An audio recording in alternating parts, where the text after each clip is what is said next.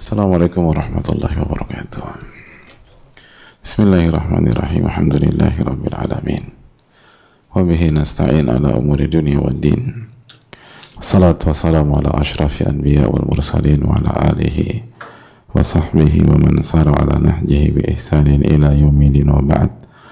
اللهم صل وسلم وبارك وأنعم على نبينا محمد وعلى آله وصحبه ومن سار على نهجه بإحسان إلى يوم الدين وبعد Hadirin Allah muliakan Alhamdulillah kita panjatkan puji dan syukur kita kepada Allah Subhanahu wa taala atas segala nikmat dan karunia yang Allah berikan kepada kita. Sebagaimana salawat beriring salam semoga senantiasa tercurahkan kepada Rasulullah alaihi salatu wassalam beserta para keluarga, para sahabat dan orang-orang yang istiqomah berjalan di bawah naungan sunnah beliau sampai hari kiamat kelak. Sallim wa barik wa an'im ala nabiyina Muhammadin alaihi salatu wassalam. Dan hadirin Allah muliakan Allahumma inna nas'aluka ilman nafi'a wa na'udzubika min ilmin la yanfa'. Ya Allah berikanlah kami ilmu yang bermanfaat dan lindungilah kami dari ilmu yang tidak bermanfaat. Jamaah sekalian Allah muliakan tidak ada kata yang layak untuk kita angkat dan kita haturkan kecuali kata syukur kita kepada Allah Subhanahu wa taala atas nikmat yang Allah berikan kepada kita. Nikmat nyawa, nikmat kehidupan, nikmat mendekat, nikmat akses, nikmat takarub kepada Allah Subhanahu wa taala. Nikmat diberikan kesempatan mengumpulkan bekal untuk kembali kepada Rabbul Alamin. Allah Subhanahu wa taala berfirman dalam surat Al-Baqarah 281, "Wattaqu yawman turja'una fihi ila Allah." Dan bertakwalah dan takutlah pada sebuah hari di mana kalian akan dikembalikan kepada Allah Subhanahu wa taala. Wattaqu yawman turja'una fihi ila Allah dan takutlah. Bertakwalah. Bersiaplah. Pada satu hari di mana kalian akan dikembalikan kepada Rabbul Alamin kepada pencipta kalian kepada yang memberikan kehidupan untuk kalian yang memberikan rizki kepada kalian yang memberikan kalian tumbuh yang memberikan kalian jasmani yang memberikan kalian pasangan, yang memberikan kalian keluarga, yang memberikan kalian anak, yang memberikan kalian harta. Yawman turja'una fihi ilallah. Dan bertakwalah dan takutlah terhadap sebuah hari di mana kalian akan dikembalikan kepada Rabbul Alamin. Thumma tuwaffa kullu nafsin ma kasabat. Maka semua hal yang kalian kerjakan di dunia akan diberikan ganjaran dengan sempurna. Dan nggak ada satupun dari mereka yang dizolimi. Semua yang kita kerjakan akan diganti oleh Allah. Akan diganjar oleh Allah. Akan dibalas oleh Allah. Secara sempurna. Tanpa dikurangi sedikit pun juga Wahum dan mereka nggak akan dizolimi oleh Allah Subhanahu wa taala. Hadirin Allah muliakan. Pertanyaannya siapkah kita menghadapi hari tersebut? Hari di mana nggak ada manfaatnya harta yang kita kumpulkan, anak-anak yang kita lahirkan dan kita usahakan. Yawma la wala banun biqalbin salim. Hari di mana tidak ada manfaat harta dan keturunan. Kecuali orang yang menghadap Allah. Orang yang datang kepada Allah subhanahu wa ta'ala dengan hati yang bersih. Hati, hati yang selamat. Hati yang selamat dari kesyirikan. Hati yang selamat dari kemungkaran. Hati yang selamat dari penyakit-penyakit hati. Adapun orang yang punya banyak harta nggak ada manfaatnya sama sekali. Orang yang punya keluarga yang solid anak-anak yang banyak yang cerdas-cerdas networking yang luas gak ada manfaatnya sama sekali. Ya la yanfa'u malun wala banun illa man atallahi biqalbin salim. Gak ada manfaatnya. Pada hari itu harta dan keturunan yang bermanfaat adalah orang yang menghadap Allah Subhanahu wa taala dengan hati yang bersih hati yang penuh dengan iman hati yang tunduk kepada Rabbul Alamin hati yang sami'na wa ta'na hati yang merendah hati yang mencintai Allah tabaraka wa ta'ala hati yang tunduk. Itu yang akan berhasil di hari tersebut dan untuk mendapatkan hati seperti itu tidak cukup satu dua hari hadirin. Al-Imam Ilmu Munkadir salah satu nama besar ulama karismatik Sayyidul Qurra pemimpinnya para qari. Beliau pernah menyampaikan kabatu nafsi arba'ina sana hatta istaqamat. Aku berjuang mengendalikan dan mengontrol jiwa dan hatiku selama 40 tahun. 40 tahun.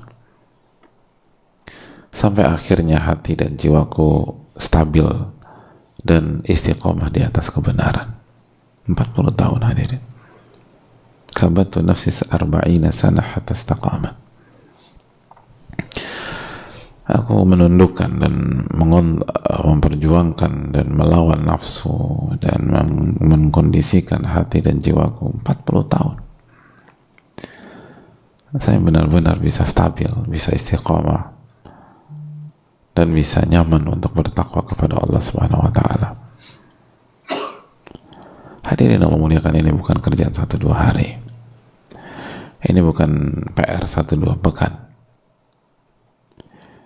Ini adalah PR panjang yang kalau kita tidak mulai dan tidak start pada hari ini dikhawatirkan ketika hari kematian kita tiba kita nggak siap. Dikhawatirkan ketika hari kematian kita tiba kita dalam kondisi maksiat dalam kondisi melakukan kemungkaran lalu meninggal dalam kondisi berdosa lalu su'ul khatimah lalu mendapatkan kematian yang buruk dan pada hari kiamat kelak dibangkitkan dalam kondisi bagaimana dia wafat. Maka bertakwalah kepada Allah. Dan ingatlah bahwa dunia ini akan berakhir. Dunia darul fana. Dunia adalah hal yang semu. Tempatnya kesemuan itu dunia tempatnya. Ketidakkekalan itu dunia. Wal akhiratu darul qarar. Dan akhirat adalah tempat dari kekekalan dan kelanggangan. Maka pilihlah kekekalan dan jangan tertipu dengan kesemuan itu yang diingatkan oleh para ulama dan itu salah itulah salah satu alasan utama mengapa kita berada di sini Kenapa kita bersama Riyadus Salihin? Kenapa kita bersama Al-Imam An-Nawi rahimahullah ta'ala? Di saat banyak pihak masih terlelap dengan tidurnya. Bahkan detik ini sholat subuh pun belum. Atau mungkin bablas dan tidak mengerjakan sebagaimana pagi kemarin. Lalu kemarin lusa. Lalu tiga pagi yang lalu dan seterusnya. Hadirin Allah muliakan. Ingatlah bahwa ketika kita hidup pada hari ini belum tentu kita hidup di hari esok ketika kita hidup di hari esok belum tentu kita hidup di dua hari yang akan datang. Allah berfirman dalam surat Az-Zumar ayat 30 innaka mayyitun wa innahum mayyitun. Sesungguhnya anda akan wafat dan mereka semua akan wafat. Semua akan berakhir dan semua akan sirna dan semua akan kembali kepada Rabbul Alamin kembali kepada Allah Subhanahu wa taala wattaqu yawman turja'una fihi ila Allah dan bertakwalah serta takutlah pada sebuah hari di mana kalian akan dikembalikan dan menghadap Allah tabaraka wa taala. Thumma tuwaffa kullu nafsin ma kasabat wa hum la yudlamun. Dan setiap jiwa akan diganjar, akan dibalas sesuai dengan apa yang dikerjakan di dunia. Dan mereka nggak dizolimi sedikit pun juga. Semoga Allah Subhanahu wa taala memberikan kita husnul khatimah. Semoga Allah Subhanahu wa taala menjadikan kita orang-orang yang bertakwa dan bisa mempersiapkan diri untuk menghadapi hari yang begitu menakutkan. Hari yang begitu mengerikan. Hari terpenting dalam kehidupan manusia. Yaumul yaumul ba'ath hari dibangkitkan. Yaumul hisab hari di mana kita dihisab diinterogasi oleh Allah Subhanahu wa taala dan diaudit dari A sampai Z. Diaudit diri kita, harta kita dan seluruh yang kita lakukan di dunia yang fana ini. Nasallallahu alaihi wa nasallallahu husnul khatimah. Wa nas'alullah sa'ada fi daraini. Amin ya rabbal hadirin Allah muliakan kita buka sesi tanya jawab sebagaimana uh, biasa. Wa sallallahu sallam ala nabiyina Muhammad wa ala uh, bismillah Ustaz Bismillah Ustaz izin bertanya saya ingin memulai meruntinkan kajian dengan mengikuti arahan untuk tidak seperti kutu loncat dan beberapa bulan ini hati saya mulai merasakan hal lain berproses. Dulu kajian saya hanya sebisanya waktu dan memilih tema kajian. Setelah duduk di majelis setelah duduk di majelis ustadz terus saya membutuhkan kajian rutin yang harus saya ikuti. Uh, saya harus mengikuti ulangan kajian Tadkiratul Sami Radusan lebih dulu Ustaz pada waktu luang. Fikum. Terima kasih atas pertanyaannya dan semoga Allah memberikan taufik kepada kita. Dan saya ingatkan uh, mulailah dengan salam ketika bertanya. Karena Nabi SAW bersabda dalam sebuah hadis Assalam qabla soal salam sebelum bertanya dan dengan kita mengucapkan salam maka kita akan mulai dengan doa. Dan keuntungannya kita akan mendapatkan doa. Karena ketika kita memberikan salam maka kita akan mendapatkan jawaban dari salam kita. Dan ketika salam kita dijawab artinya kita didoakan. Yang kedua doakan uh, ulama-ulama uh, kita guru-guru kita. Nabi SAW bersabda man sana ilaikum ma'rufan fakafi'u barang siapa yang memberikan kebaikan kepada anda maka balaslah. Dan kalau anda belum bisa balas maka doakan kata Nabi SAW jadi ketika orang membuat baik kepada kita maka kita harus balas. Dan kebaikan apa yang lebih tinggi daripada ilmu agama? Kebaikan apa yang lebih tinggi daripada ilmu nafi ilmu yang bermanfaat Ibnu Qayyim rahimahullah ta'ala membahas panjang lebar bagaimana ilmu itu di atas harta. Kalau ada orang yang kasih kita satu M kita harus balas. Lalu bagaimana orang yang mengajarkan kita ilmu? Mengajarkan kita iman mengajarkan kita tauhid mendidik kita dan lain sebagainya hal jasa oleh ihsan adalah ihsan bukankah balasan kebaikan adalah kebaikan yang sama? Dan satu ayat itu lebih mahal daripada dunia dan seisinya satu ayat hadirin. Lebih berharga lebih bernilai daripada dunia dan seisinya dan itu yang kita yakin dan itu yang difirmankan oleh Allah Subhanahu wa taala bahwa sekali lagi satu ayat. Itu lebih mahal daripada dunia dan seisinya.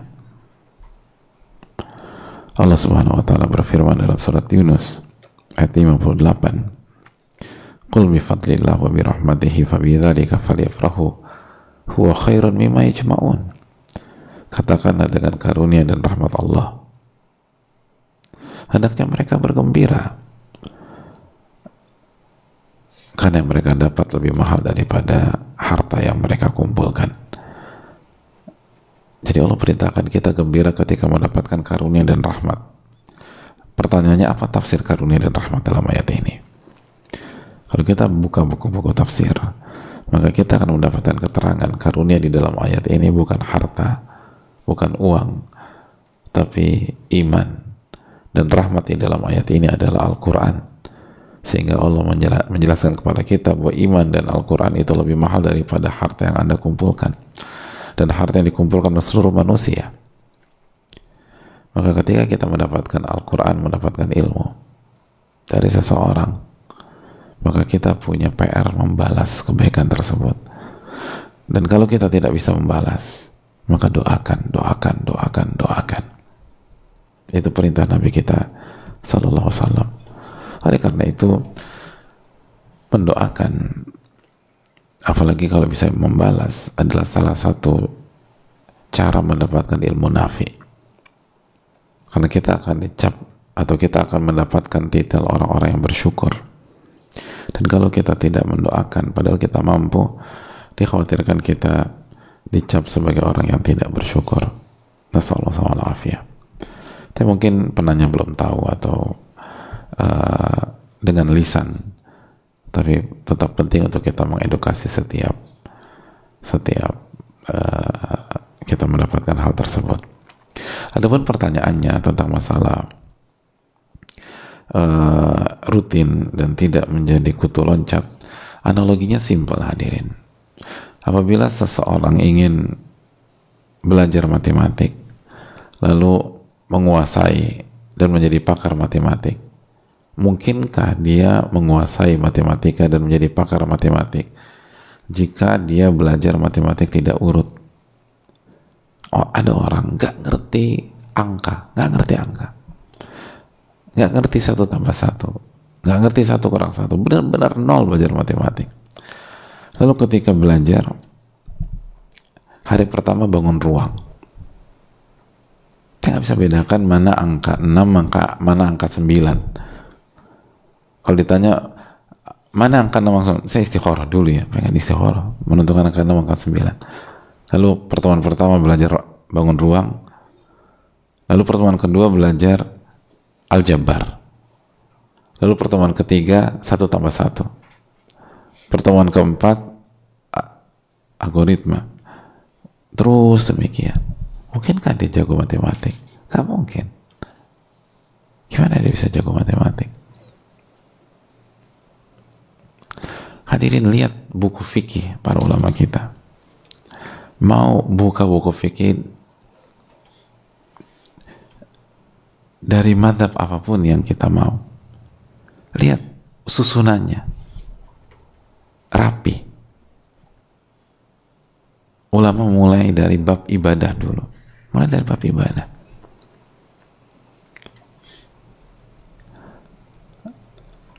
Lalu ibadah banyak.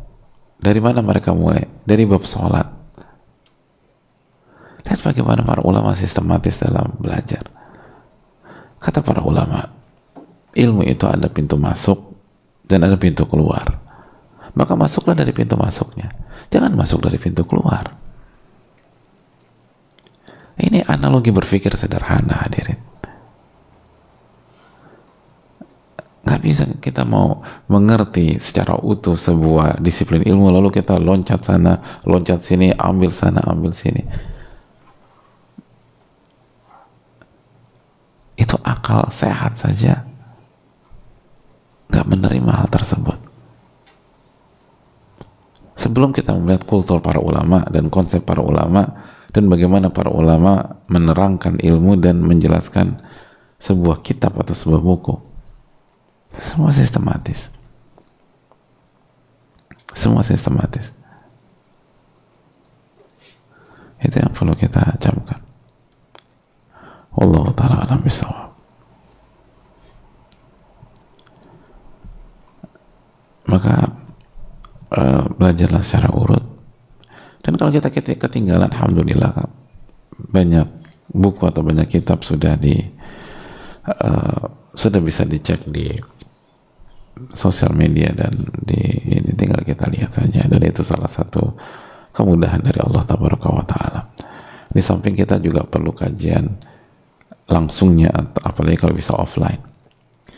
Karena kajian offline memiliki keutamaan yang tidak bisa disaingi dengan kajian online. Walaupun kajian online penting tapi kajian online sebagai alternatif ketika kita nggak bisa mengerjakan offline.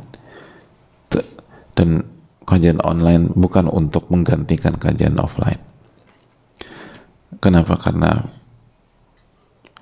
beda kedudukan, beda keutamaan dan beda dari sisi memuliakan dan mengagungkan ilmu Hadirin kalau kita ingin mendapatkan ilmu nafi, ilmu yang bermanfaat, maka syaratnya kita harus memuliakan ilmu. Dan memuliakan ilmu dalam kajian offline itu nggak bisa disaingi oleh kajian online dari banyak sisi. Maka peluang kita mendapatkan ilmu nafi di kajian offline, kajian yang langsung hadir, itu jauh lebih besar daripada kajian online walaupun kajian online adalah sarana yang diberikan oleh Allah Subhanahu wa taala juga. Allah taala bisa. Assalamualaikum warahmatullahi wabarakatuh. Waalaikumsalam warahmatullahi wabarakatuh. Assalamualaikum. Semoga Allah menjaga Imam Nawawi Ustaz seluruh tim. Amin rabbal alamin wa iyyakum. Dan semoga Allah merahmati seluruh ulama kita dan semoga Allah memberikan taufik kepada umat di mana pun berada. Amin ya rabbal alamin. Ustaz bagaimana menimbulkan kembali daya juang dalam diri agar bisa mengalahkan segala keletihan dan kemalasan dalam beribadah karena jujur dulu saya selalu semangat dan dengan taufik Allah kuat berjuang melawan hawa nafsu untuk beribadah secara lebih namun kini rasanya daya juang itu semakin tipis dan sedih sekali rasanya tidak bisa seperti dulu lagi bagaimana saya harus membenahi ini semua agar kuat lagi menambah ibadah dan menjauhi bisikan-bisikan hati yang lebih banyak mengajak santai Semoga Allah mudahkan Ustadz menjawab ini karena saya sangat butuh tips dari seorang ahli ilmu seperti Ustadz Jazallah Khairan. Ya terima kasih atas pertanyaannya. Yang pertama, uh, saya perlu meng mengklarifikasi saya bukan ahli ilmu. Saya hanya penuntut ilmu biasa sebagaimana hadirin sekalian. Cuma mungkin saya lebih dulu atau lebih dulu belajar atau sedikit lebih banyak belajar daripada sebagian yang ikut kajian kita hanya toilul ilm hanya penuntut ilmu junior yang uh, berusaha menjalankan apa yang Allah perintahkan kepada kita untuk menyampaikan ilmu yang sedikit kita miliki ini. Dan ini bukan tawadu ini mengetahui hakikat diri. Para ulama mengatakan rahimahullah mar'an arafa qadra nafsih. Semoga Allah merahmati orang yang tahu kapasitas dirinya. Ada seorang pakar hadis abad ke-20 uh, beliau bernama Asy'al Allama Muhammad Nasiruddin Albani rahimahullah taala. Seorang pakar hadis besar. Ini sebuah kajian uh, kalau bahasa kita hostnya menyampaikan di hadapan kita ada uh, ulama besar, ulama hadith, mujaddid, pembah pembaharu abad ini dan pujian yang diberikan kepada beliau rahimahullah taala. Lalu apa respon beliau? Beliau meluruskan gitu.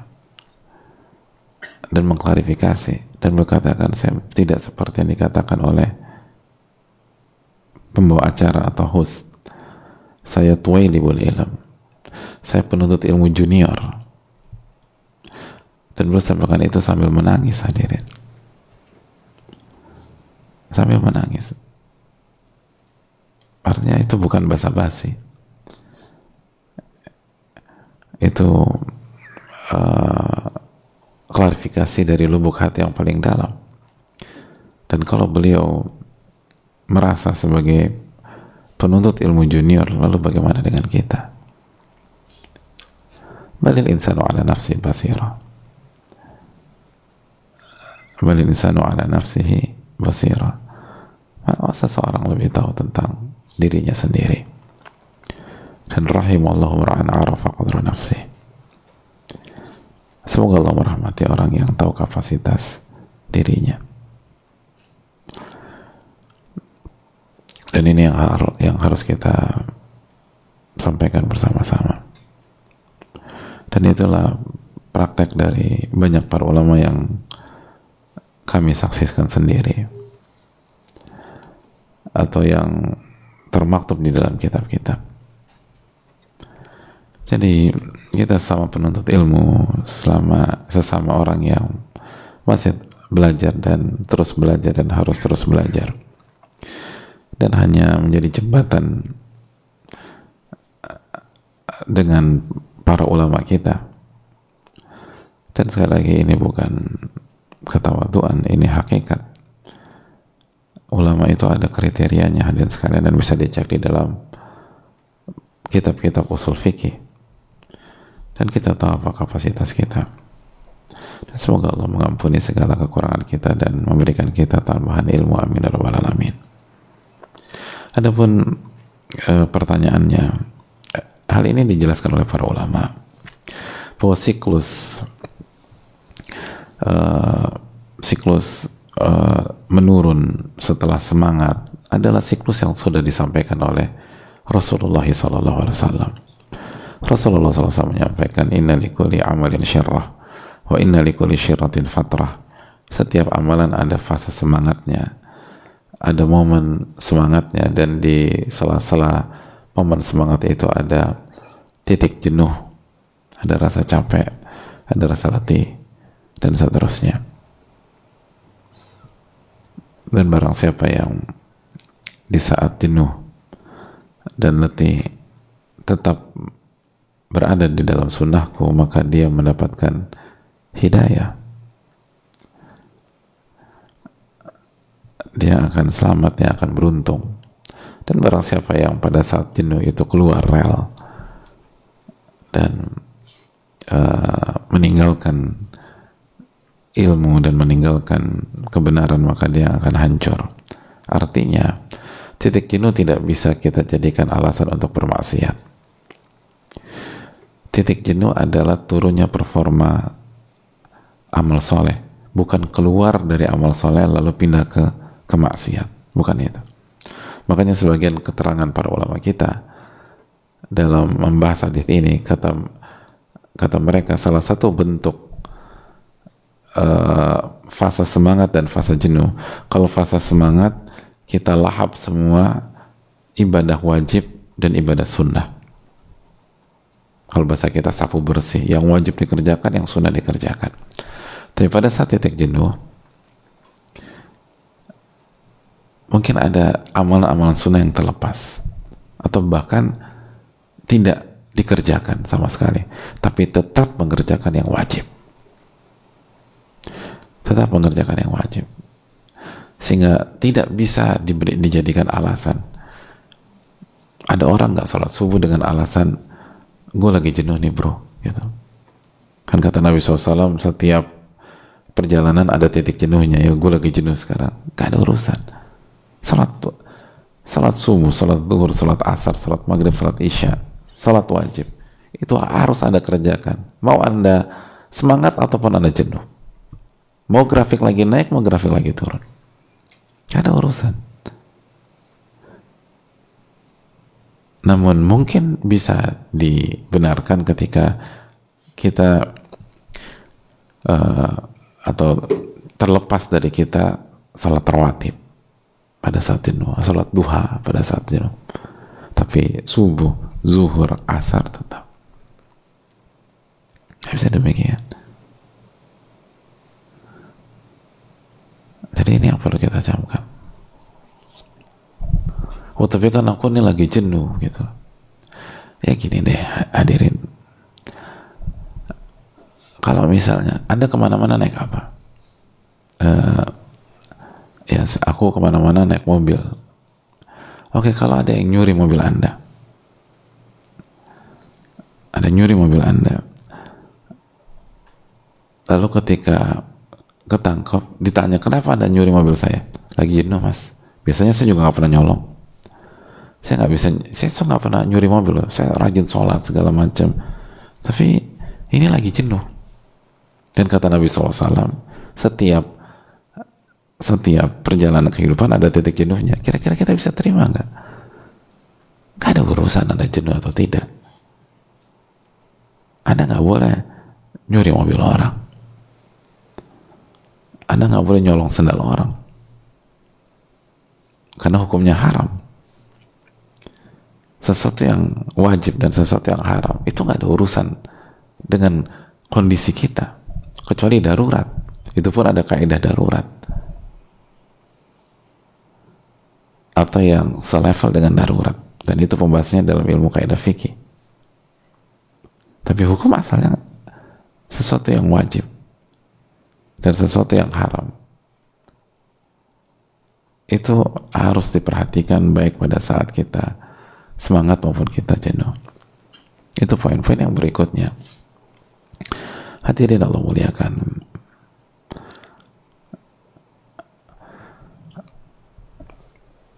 Pada saat kita jenuh ada banyak tips para ulama tapi di antaranya di antaranya banyak minta pertolongan kepada banyak berdoa kepada Allah. Berdoa ya muqallibal qulub tsabbit qalbi ala wahai yang membolak-balikan hati kokohkan hatiku di atas agamamu. Jangan pernah meremehkan dampak dan dan pernah meremehkan efek besar dari doa. Udo'oni astajib laku minta kepada aku aku akan ijabah yang jadi masalah banyak kita ketika lagi jenuh nggak doa sama Allah. Atau pada saat kita lagi di atas kurang doa kepada Allah khususnya ya muqallibal qulub. Wa yang membolak-balikan hati. Wa yang membolak-balikan hati. Maka banyak doalah kepada Allah Subhanahu wa taala. Lalu di antaranya yang penting juga lingkungan hadirin. Lingkungan. Karena ketika kita punya lingkungan yang baik, lingkungan yang soleh, lingkungan yang solid, maka itu akan menjadi support system kita khususnya ketika kita sedang turun khususnya ketika kita lagi jenuh ketika kita punya lingkungan punya sahabat-sahabat yang soleh atau soleha maka mereka menjadi atau berfungsi sebagai pagar hidup kita yang ngejagain kita atau benteng hidup kita yang jagain kita ketika kita lagi turun pada saat kita punya lingkungan atau sahabat yang soleh atau soleh, lalu kita beberapa hari ini menghilang gitu loh. Maka mereka dengan taufik Allah akan cari kita. Ke mana sih fulan ini? Saya samperin ke rumah nih. Mungkin dia sakit, mungkin dia ini. Atau ditelepon. Bro lo gak kajian? Aku lagi, eh, nanti aku lagi malas lagi sih. Udah, udah, udah, udah gue jemput ya enggak enggak enggak enggak gue jemput lo standby 20 menit lagi insya Allah kita bareng-bareng jalan benar mungkin kita terpaksa tapi dengan cara itulah Allah selamatkan kita dari semakin terpuruk. Akhirnya kita dijemput lalu datang ke uh, uh, ketemu lagi teman-teman yang lain atau orang-orang soleh lalu duduk lagi di hadapan Al-Quranul Karim dan Sunnah Nabi SAW lalu berinteraksi dengan ilmu lalu dengan demikian iman kita akan bertambah Allah Subhanahu wa taala berfirman innamal mu'minuna alladzina idza dzukirallahu wajilat qulubuhum wa idza tulit alaihim ayatuhu zadatuhum imana. Sesungguhnya orang-orang beriman adalah orang-orang yang apabila dibaca yang disebutkan nama Allah hatinya bergetar. Dan apabila ayat-ayat Allah dibacakan maka imannya bertambah. Surat al-anfal ayat 2 maka imannya tambah lagi. Maka lingkungan yang baik itu sangat penting. Dan salah satu fungsi besarnya adalah ketika kita lagi turun ketika kita lagi jenuh ketika kita lagi drop. Itu akan memagerin dan itu yang jadi benteng. Makanya kan mukmin yang satu dengan mukmin yang lain apa kata Nabi SAW kalbunian yashuddu ba'duhum ba'dah seperti bangunan yang saling melengkapi satu dengan yang lain. Allah Ta'ala alam bisa banyak doa dan cari lingkungan hadirin sekalian Assalamualaikum warahmatullahi wabarakatuh. Waalaikumsalam warahmatullahi wabarakatuh. Semoga Allah rahmati Imam Nawawi, keluarga beliau dan orang-orang beliau cintai. Semoga Allah merahmati Ustadz, keluarga Ustadz, tim, keluarga dari tim dan kaum muslimin. Amin ya alamin. Wa iyyakum.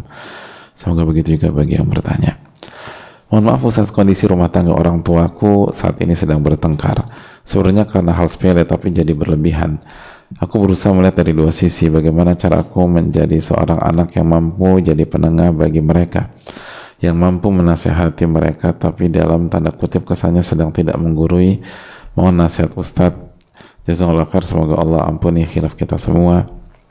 Barakallahu fikum. Assalamualaikum warahmatullahi wabarakatuh. Waalaikumsalam warahmatullahi wabarakatuh. Taib, jazakallah khair atas, atas uh, doanya. Yang pertama, doakan orang tua kita. Rabbik firli wali walidayya warhamhuma kama rabbayani sagira. Doakan orang tua kita, minta agar Allah menyayangi dan memberikan rahmat kepada mereka. Karena salah satu dampak Allah menyayangi dan memberikan rahmat kepada orang tua kita, mereka tidak akan uh, jatuh kepada hal-hal yang bisa merusak kebahagiaan di dunia dan di akhirat. Jadi sekali lagi doakan orang tua, doakan orang tua, doakan orang tua. Karena sering kali kita suka lupa mendoakan orang tua kita. Atau suka lupa mendoakan orang yang sedang berantem atau bertikai. Lalu kita lebih fokus pada hal-hal teknis. Padahal intinya itu bukan hal teknis, intinya adalah hati. Kita orang ribut itu intinya itu hati. Idza salahat salahal jasadu Kalau hati baik maka baiklah seluruh anggota badan maka doakan orang tua kita. Yang kedua hadirin sekalian ketahuilah bahwa khususnya kalau kita belum pernah berumah tangga ya terjadi dinamika rumah tangga pada pada dasarnya hal yang wajar. Selama tidak berlebihan selama tidak uh, apa berlarut-larut siapa rumah tangga yang nggak pernah ada masalah mungkin ada satu dua ulama tangga ulama tapi itu nggak bisa dijadikan kaidah umum. Hukum secara umum setiap rumah tangga punya kendala dan masalah. Dan sering kali bukan hanya bukan hanya suami istri yang menyikapinya secara berlebihan tapi sering kali lingkungannya menyikapi secara berlebihan juga. Yang harusnya udah biarkan aja. Nggak usah di nggak usah di nggak usah didudukan atau nggak usah dibahas eh, eh dibahas. Dibahas tambah panjang. Karena masalah itu hadirin sekalian uh, stadiumnya tuh beda-beda. Dan karakternya tuh beda-beda. Ada masalah. Itu harus dibahas. Dan kalau tidak dibahas dalam waktu tertentu misal kalau kalau nggak dibahas selama 30 menit maka masalahnya justru tambah besar. Jadi kalau kita bahas tapi cuma 15 menit itu nggak menyelesaikan masalah. Jadi nanggung. Tapi ada juga masalah yang karakter dan bobotnya cukup dibahas selama 5 menit. Begitu masuk ke menit ke 6, ke 7, ke 8, ke 10, ke 15, ke 30 maka jadi kontraproduktif. Jadi ribet gitu. Akhirnya nyerempet ke mana-mana. Karena masalah ini cukup dibahas selama 5 menit aja. Udah 5 menit tutup buku dah ada masalah yang cara menyelesaikannya tidak diselesaikan gitu. Jadi cara menyelesaikannya jadi bahas udah biarinkan aja. Lihat bagaimana ketika Aisyah memecahkan piring di hadapan sahabat-sahabat Nabi SAW. Bagaimana sikap Nabi SAW? Kerot umukum, ibumu lagi cemburu, nggak usah dibahas, sudah selesai masalah. Nabi SAW nggak mengatakan bikin malu aku ya Aisyah. Aku kan Nabi. Masa engkau pecahin piring di hadapan murid-muridku Apa kata dunia? Nabi SAW nggak mengatakan demikian. Gharat ummukum, ibumu lagi cemburu, kita nggak usah bahas. Maka kita harus mengerti. Dan begitu juga jadi anak kita harus tahu ini orang tua kita bertengkar seperti apa di di di di stadium yang mana gitu. Jadi bisa jadi kita nggak usah udah tenang tenang selesai. Alihkan perhatian. Itu poin. Terus yang berikutnya jangan pernah lupa hadis Nabi kita salam yang diriwayatkan oleh Imam uh, Abu Daud. Kata Nabi SAW bahwa uh, atau uh, Ummu Kulthum yang mengatakan saya saya tidak pernah melihat Nabi SAW memberikan rukhsah kepada kebohongan kecuali dalam tiga perkara. Jadi nggak boleh bohong kecuali dalam tiga perkara. Di antaranya apa? Ar-rajul yuslih bainan nas. Di antaranya adalah seseorang yang mengislah di antara manusia yang sedang bertikai dan berantem. Islah itu menyelesaikan, mendamaikan. Jadi bolehnya berbohong untuk mendamaikan dua orang yang lagi ribut, dua orang yang lagi masalah, dua orang yang lagi bertikai. Maksudnya apa? Maksudnya bicara hal yang positif. Misalnya uh, ayah kita ngelihat ibu kita curhat sama kita, terus ayah kita tanya tadi, mama bilang apa ke kamu? Gini loh pak, mama bilang mama tuh sayang banget sama papa. Tapi yang namanya wanita, ya mungkin khilaf.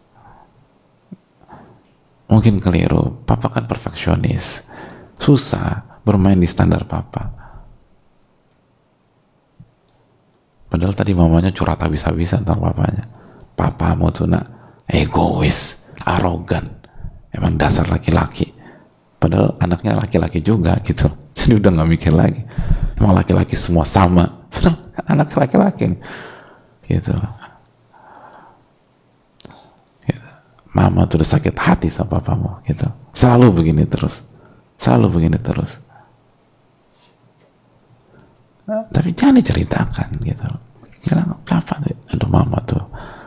Udah mama tuh bestinya papa lah pak. Bapaknya mikir ya juga sih. Gitu. Akhirnya damai dengan topik jadi jangan polos gitu loh Laka, tidak tidak ada kebohongan dalam mengislah islah lah hadirin islah islah Allah taala alam bisawab. Saya rasa cukup sampai di sini. Semoga Allah memberikan taufik kepada kita. Dan semoga kita diberikan ilmu nafi. Dan semoga Allah memberikan kekuatan untuk mengamalkan ilmu kita sebagaimana Allah memberikan kekuatan untuk mempelajari ilmunya subhanahu wa ta'ala aku qouli hadza wa astaghfirullah wa lakum subhanahu wa ta'ala la ilaha illa anta astaghfiruka wa atubu ilaik assalamualaikum warahmatullahi wabarakatuh syukran Teruslah menabung pahala dengan bersedekah. Sahabat, setiap infak atau sedekah yang kita berikan untuk meraih ridha Allah, terdapat pahala penuh yang Allah janjikan untuk kita.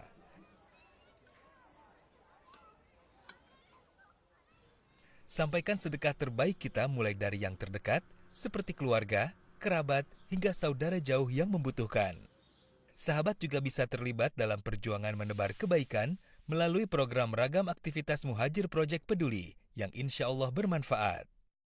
Semoga Allah memberkahi dan memberikan kebahagiaan di dunia dan akhirat. Amin. Ayo, terus kejar keberkahan dan pahala penuh bersedekah dengan mendukung ragam aktivitas Muhajir Project Peduli. Salurkan sedekah terbaik kita melalui CIMB Niaga Syariah 8600 1178 5800 atas nama Muhajir Peduli Indonesia.